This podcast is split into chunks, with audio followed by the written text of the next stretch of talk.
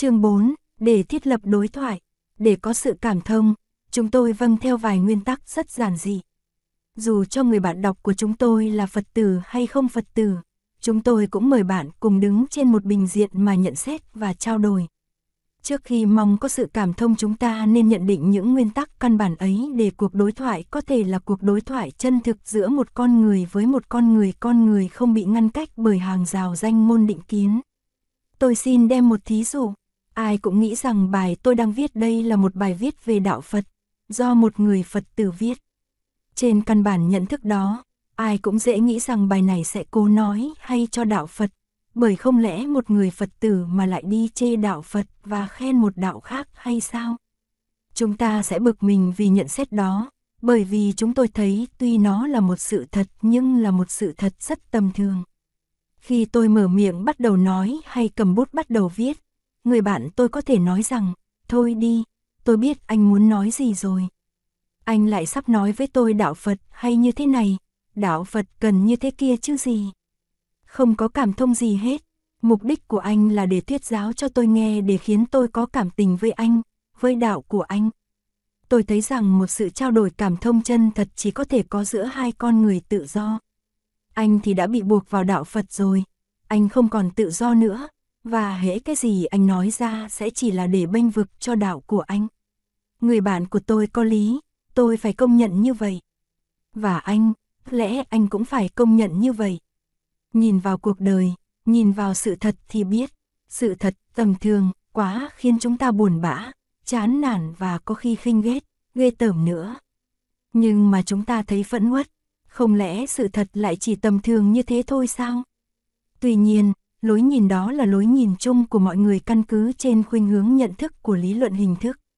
Trong duy thức học của đạo Phật, lối nhận thức ấy gọi là biến kế sở chấp, Vikalpa, một lề lối nhận thức đóng khung trong sự mê chấp vào nguyên tắc đồng nhất, Principe d'identité, của sự vật. Sự vật không đồng nhất trên thời gian, vô thường, cũng như trên không gian, vô ngã. Chúng ta thử xét lại vấn đề xem sao. Có một bữa đi ngoài đường, tôi gặp một người ngoại quốc. Ông ta dừng lại hỏi tôi, ông là người Phật giáo phải không? Tôi trả lời, vâng. Ông ta nhìn tôi một lát rồi gật gù có vẻ hiểu. Rồi chúng tôi chia tay, nhưng câu chuyện không giản dị như vậy. Khi ông ta đi rồi tôi mới ngồi suy nghĩ, băn khoăn không hiểu ông ta gật gù về chuyện gì. Không biết ông ta đã xây dựng những gì trong trí óc ông ta trước khi gật gù. Thế nào trong trí óc ông ta cũng có một hình bóng, một khái niệm về đạo Phật tổ hợp nên do một ít điều ông ta đã thấy, đã nghe và đã tưởng tượng. Cái hình bóng ấy, cái khái niệm ấy mà ông ta đã cho là đạo Phật chắc chắn không giống cái mà tôi cho là đạo Phật. Mỗi người trong chúng ta có một nhận thức khác nhau về đạo Phật, tùy ở kiến thức, khả năng lĩnh ngộ và óc suy luận của ta. Nói một cách khác hơn, mỗi người trong chúng ta có một đạo Phật, và có bao nhiêu người thì có bấy nhiêu đạo Phật. Trong lúc ấy thì đạo Phật tự thân, Le Buddhisme Ensoi, nằm ở đâu? và có dính líu ít nhiều với những đạo Phật trong nhận thức của chúng ta không? Cái đó chúng ta không hiểu được, bởi vì chúng ta chưa thoát khỏi ý thức suy luận chủ quan của chúng ta. Chỗ sai lầm là tưởng rằng bao nhiêu nhận thức của chúng ta về đạo Phật đều phản chiếu đạo Phật tự thân, kỳ thực có những nhận thức mệnh danh là về đạo Phật mà thực không dính dáng gì đến đạo Phật hết cả. Nhưng anh có quyền gì và anh dựa vào tiêu chuẩn nào để nói rằng nhận thức đó không dính dáng gì đến đạo Phật, trong khi anh nói rằng không thể vượt khỏi ý thức suy luận chủ quan của anh. Tại sao anh lại đoan quyết được rằng nhận thức của anh về đạo Phật là gần với đạo Phật tự thân hơn cả? Người bạn đọc có thể hỏi như thế. Tôi công nhận đó là một câu hỏi thật thông minh và xin khất lại ít lâu trước khi trả lời. Nhưng mà tôi xin nói rằng tôi không bao giờ dám đoan quyết rằng nhận thức của tôi là gần với đạo Phật tự thân hơn cả. Tôi chỉ dám nói rằng trong lịch trình kinh nghiệm tâm linh, nhận thức hiện thời của tôi về đạo Phật, so sánh với những nhận thức của tôi về đạo Phật trong quá khứ, đã ít ngây thơ và tôi tin là vì ít ngây thơ hơn nên cũng có thể gần với đạo Phật tự thân hơn. Thôi để tôi gắng thoát cái vòng luẩn quẩn, tôi trở lại câu chuyện ông bạn ngoại quốc hồi nãy, có thể khi nghe tôi xác nhận tôi là người đạo Phật, ông ta liền nghĩ rằng, à ra cái ông này đang mong ước lên niết bàn hư vô tịch diệt đây và đang tự xóa bản ngã của mình để thoát khỏi sáu nẻo luân hồi đây. Thật ra thì chính nội dung những danh từ và những khái niệm diễn đạt trong ý nghĩ kia cũng thay đổi theo nhận thức từng người, và cùng về một câu nói đó mà mỗi người có thể nghĩ khác nhau. Những chữ niết bàn, hư vô, tịch diệt, bản ngã, luân hồi không có nghĩa nhất định. Xin bạn đừng cười, vì sự thực là như thế. Có biết bao nhiêu định nghĩa về niết bàn rồi, và những cố gắng ấy là để làm nên một việc mà chính Phật Thích Ca đã không làm nổi. Hỏi niết bàn là gì, ngài đã từ chối không trả lời. Vậy nếu ông bạn ngoại quốc nói to ý nghĩ đó cho tôi nghe thì tôi sẽ hỏi lại ông muốn nói gì khi ông bảo là tôi đang ước mong lên niết bàn hư vô tịch diệt và đang tự xóa bản ngã của mình để thoát khỏi sáu nẻo luân hồi. Cố nhiên là ông sẽ giải thích câu nói theo nhận thức của ông về đạo Phật và cố nhiên là tôi khó mà chấp nhận đó là đạo Phật của tôi. Tôi có thể trả lời, tôi là người đạo Phật, nhưng là đạo Phật trong nhận thức của tôi chứ không phải là đạo Phật trong nhận thức của ông. Theo tôi, cái mà ông cho là đạo Phật ấy nó không phải là đạo Phật mà chỉ là những tưởng tượng của ông về đạo Phật. Ông ta có thể dùng lý luận của tôi để bắt bẻ lại tôi, ông chắc gì cái mà ông tưởng đã là đạo Phật. Vậy thì trong hai chúng tôi không ai hơn ai thua. Chúng tôi có hai đạo Phật khác nhau, mà đạo Phật tự thân thì chẳng biết theo hùa về phe nào. Vấn đề giải dị như thế, trong số 500 triệu người tự nhận là theo đạo Phật, người nào cũng nghĩ rằng mình đang theo đạo Phật tự thân. Và trong số những người có học và nghe nói về đạo Phật, người nào cũng nghĩ rằng đạo Phật là cái đang phản chiếu trong quan niệm mình. Thực ra tất cả đều chỉ là những quan niệm về đạo Phật mà không hẳn là đạo Phật. Trong một tôn giáo có đến hàng mấy mươi tông phái chất chứa không biết bao nhiêu là hệ thống giáo lý và triết học trong một tôn giáo mà con người có quyền tự do phê phán, chọn lựa và sáng tạo giáo lý. Vấn đề quy định cái gì là đạo Phật tự thân lại là một vấn đề càng khó khăn hơn gấp bội. Cho nên ta không ngạc nhiên khi nghe đạo Phật nói có đến 8 vạn 4 ngàn nẻo vào chân lý, bát vạn tứ thiên pháp môn.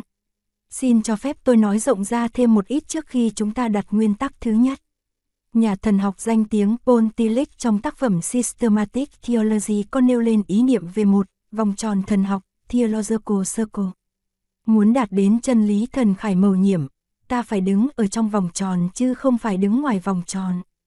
Vòng tròn ấy biểu hiện bên trong, cho những người đã chấp nhận giáo hội và thánh kinh như là những phương tiện duy nhất để tìm đến sự thể nhập chân lý thần khải nói khác, cho những người đã can đảm lựa chọn và tin tưởng ở Kitô giáo.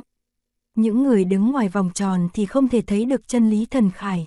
Nếu những người đó muốn họ phải can đảm nhảy vào vòng tròn nếu ta xét kỳ ý niệm vòng tròn thần học này theo nhận thức ta đã dùng để xét những người Phật tử, thì ta sẽ thấy vòng tròn thần học ấy cũng không thể nào thiết lập được.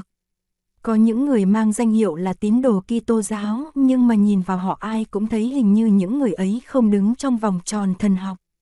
Họ là những tín đồ hữu danh vô thực, trong đạo nào cũng có hiện tượng ấy, nhưng nếu họ cứ tự nhận họ là người đứng ở trong ai mà cấm được. Uy quyền của giáo hội, uy quyền của thánh kinh ai cũng biết là không đủ để quy định thế nào là ở trong và thế nào là ở ngoài. Nhìn vào sự thật tự khắc chúng ta biết, có hàng ngàn hàng vạn nhận thức về chân lý thánh kinh, ta dùng nhận thức nào đây để quy định vấn đề trong, ngoài và vẽ ra cái vòng tròn khó khăn đó. Theo ý chúng tôi thì không có một tín hữu nào dám cả quyết rằng mình đang đích thực đứng trong vòng tròn cả nếu ta nói đến những người biết cẩn trọng và khiêm nhượng trong bước học hỏi và tu luyện của mình. Tin một cách tuyệt đối rằng mình đang ở trong và kẻ kia đang ở ngoài là dấu hiện của sự quá chất phác giản dị nếu không phải là ảo tưởng. Theo chúng tôi, đức tin không phải là một sự đạt đạo tới bình an vô lượng mà là một thao thức thường xuyên hướng đến sự đi tới, đi tới bằng cách can đảm từ bỏ cái mình nhận ra là sai và chấp nhận cái mình mới khám phá ra được bằng học tập và bằng kinh nghiệm tâm linh trong sinh hoạt tôn giáo. Tin không phải là để được yên ngủ mà là để chấp nhận đi tới mà đi tới là một quá trình tự hủy và tự tạo thường xuyên một công trình đòi hỏi can đảm, thao thức và khổ đau nữa. Cái nhà thần học Tây Phương hiện nay thường nói đến đức tin như một ân huệ, một tặng phẩm của Thượng Đế cho con người, mà không phải chỉ là sự lựa chọn và chấp nhận của con người đối với giáo hội và đối với thánh kinh. Trong trường hợp ấy, làm sao ta có thể quyết đoán được rằng ai đã tin và ai chưa tin? Ai đã được tặng phẩm đó của Thượng Đế và ai chưa? Và chính bản thân của mình nữa, mình cho rằng mình đang tin, đang đứng ở trong vòng tròn, liệu mình đã được đích thực tiếp nhận ân huệ ấy hay tất cả những gì mình đang có cũng chỉ là sáng tạo phẩm của một nhận thức chủ quan. Mà nếu có những kẻ hữu danh vô thực, thì sao lại không có thể có những kẻ hữu thực vô danh? Một người kia không biết đến giáo hội, không đọc đến thánh kinh, nhưng nếu sinh hoạt tâm linh phù hợp với chân ý Chúa Kitô thì ai dám bảo rằng người ấy ở ngoài vòng tròn và không thể tiếp nhận chân lý tối hậu. Cho nên những ý niệm ở trong, ở ngoài, bên này, bên kia, đạo Phật, đạo Chúa, đều là những ngục tù giam hãm ngăn cách con người. Nếu muốn có một cuộc đối thoại chân thực, ta phải vùng vẫy để đập bỏ phá vỡ những cái vỏ cứng ấy của tâm niệm, của thành kiến. Khi người bạn tôi nói, anh đã bị buộc vào đạo Phật rồi, anh không còn tự do nữa, là bạn tôi muốn nói đến những vỏ cứng đó. Vậy nếu muốn được tự do, ta không nên theo một cái gì hết phải không? Một người bạn khác hỏi, tôi thấy điều đó không thể thực hiện được, anh không thể sống nếu anh không theo một cái gì. Trong trường hợp một người không theo đạo Chúa, không theo đạo Phật, cũng nhất định không theo đạo nào hết, người ấy đã phải là tự do đâu. Người ấy cũng có một cái vỏ cứng thật to lớn và vững chãi, có lẽ còn to hơn cái vỏ của bạn và tôi nữa. Cái vỏ ấy che lấp không cho người ấy thấy gì, và vì vậy người ấy cũng là nô lệ muôn đời cho nhận thức của chính mình. Tốt hơn là phải chấp nhận, với tất cả trí tuệ và tâm linh mình, một đường lối, và hãy đi trên đường lối ấy với tâm trạng thao thức, cẩn trọng, khiêm nhượng, sẵn sàng trao đổi, sẵn sàng thay đổi, sẵn sàng chấp nhận khổ đau để thực hiện. Với thái độ đó, không có cái vỏ nào giam hãm chúng ta được, không có xiềng xích nào níu keo chúng ta được, không có mãnh lực nào khiến ta trở nên cuồng tín phủ nhận tất cả những gì không phải là ta, được. Và đứng ở đâu, ta cũng nhìn thấy nhau. Vậy nguyên tắc thứ nhất, theo thiền ý, là nhớ mãi rằng dù cho có đức tin, dù có đức tin rồi, dù không có đức tin, tất cả chúng ta đều là người đang đi tìm sự thực và sự thực thì không biết đến những vỏ cứng và những vòng tròn. Nguyên tắc thứ hai, theo ý chúng tôi, là không biện luận trên căn bản tỳ rào để so sánh đối chiếu và ước lượng giá trị siêu hình, triết học và đạo đức giữa tôn giáo này với tôn giáo kia mà chỉ trình bày sở kiến của mình về lĩnh vực chuyên môn của mình để cùng nhận xét và thảo luận. Như thế câu hỏi cấp thiết của chúng ta đặt ra không phải là xét xem đạo nào là chân lý, và đạo nào không là chân lý, đạo nào hợp với quần chúng và đạo nào không hợp với quần chúng, đạo nào nên theo và đạo nào không nên theo câu hỏi cấp thiết của chúng ta là tìm xem, đạo mà anh đang theo có những đặc điểm nào, có thể giúp được gì, giúp thế nào, vì sao và căn cứ vào đâu mà anh nói được như vậy. Như thế chúng ta sẽ tránh khỏi những cuộc thảo luận không bao giờ chấm dứt. Những cuộc thảo luận chỉ làm tốn thì giờ tốn sức lực mà không đem lại kết quả thiết thực nào cho sự sống, nếu không phải là do sự hiểu biết chân thực. Nguyên tắc thứ ba mà cũng là nguyên tắc chót, theo ý chúng tôi, là ta phải cùng đứng trên một miếng đất để có thể cúng đồng thời trông thấy được những điều mà bạn cố chỉ cho tôi ấy. Như thế có nghĩa là bạn cố chỉ ra những đề tài siêu hình chẳng bao giờ có thể kiểm soát được trên hí luận vô ích chỉ gây thêm thành kiến và đau khổ. Về nguyên tắc thứ ba này, ta có thể đi sâu hơn để nhận định giới hạn những địa hạt mà ta có thể khám phá chung với nhau. Nghiên cứu một tôn giáo ta có thể tìm đến tôn giáo ấy bằng chiều ngưỡng cửa, ngưỡng của thần lý học, ngưỡng của sử học, người của kinh tế học, ngưỡng cửa nhân chủng học, ngưỡng cửa xã hội học. Từ mỗi lối vào ta có thể khám phá thêm rõ khi ta đi vào bằng những lối kia. Nhưng mà ta đừng bị quáng mất bởi một khám phá nhỏ để rồi đi đến sự phủ nhận những khám phá khá của sự phủ nhận những khám phá khác của những người không cùng đi vào một cưỡng ngựa của với ta. Ta đừng cố cắt nghĩa tất cả các hiện tượng tôn giáo bằng điều ta mới khám phá được. Nếu không ta sẽ phạm vào lỗi lầm muôn đời của ông thầy bói bảo rằng con voi cũng giống cái chổi lông. Đứng về phía giải thích hiện tượng tôn giáo chẳng hạn, một mắc la lơ có thể khám phá ra rằng tôn giáo bắt nguồn ở khuynh hướng nhân cách hóa những sự vật tự nhiên để được biểu hiện ở thần thoại và thờ cúng. Một Spencer có thể cho rằng tôn giáo bắt nguồn từ sự sợ hãi mà quỷ rồi đi đến sự thờ cúng tổ tiên và tiếp đó là sự thờ cúng những thần linh được chọn trong số vong hồn những tổ tiên nào hiền hách nhất một Van Genep hay một Crowley có thể cho rằng tôn giáo phát nguyên từ những khủng hoảng tâm lý trong đời người tạo ra do những hiện tượng sinh đẻ, dậy thì, hôn phối, chết. Những khủng hoảng đó đưa tới sự thờ cúng và lễ bái. Một Freud có thể nói rằng tôn giáo là hình ảnh của một ảo tưởng, kết cấu đại đồng của một trạng thái thần kinh nhắm mục đích thỏa mãn và che giấu ước vọng chân thực của con người đang sống. Chúng ta không có thì giờ để mà thảo luận cân nhắc tất cả những khám phá ấy. Chúng ta không có được cái xa hoa ngồi thảo luận hàng tháng hàng năm như thế. Chúng ta phải nhìn thẳng vào xã hội loài người, khắt khe hơn nữa, xã hội Việt Nam chúng ta trong hiện tại để thảo luận. Ta sẽ nhìn nhận thực trạng xã hội, phải nhìn nhận sự có mặt của các ý thức hệ và của các tôn giáo có mặt tại xã hội ta, phải hỏi rằng trong hiện tình quả thực tôn giáo của ta có thể đóng góp gì? Đóng góp cách nào, và có thực tế không, hay chỉ là ước vọng là ảo tưởng? Ta sẽ nhìn nhận địa vị tôn giáo ta bên cạnh sự hiện diện của các tôn giáo khác như thế nào trong xã hội ta. Ta sẽ phụng sự, không phải cho một tổ chức tôn giáo, mà cho một lý tưởng tôn giáo. Nói khác ta phụng sự con người, phụng sự xã hội, trong quá trình hành động, tổ chức tôn giáo không phải cứu cánh mà là phương tiện. Nói như thế không phải là chủ trương rằng hãy biến các đoàn thể tôn giáo thành những lực lượng xã hội và chính trị.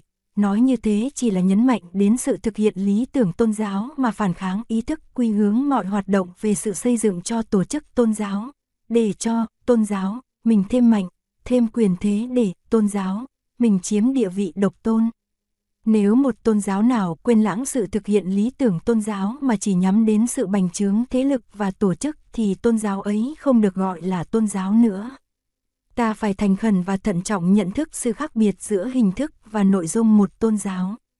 Có khi đạt được hình thức lớn mạnh mà nội dung đã tan biến và tiêu diệt, vì lẽ những phương tiện để đạt đến hình thức lớn mạnh ấy đã đi ngược lại tinh thần của tôn giáo ấy. Cho nên một cuộc đối thoại giữa người Phật tử với người Phật tử giữa người Phật tử với người, không, Phật tử, phải là một cuộc đối thoại giữa những người có thiện trí chỉ nhắm đến con người.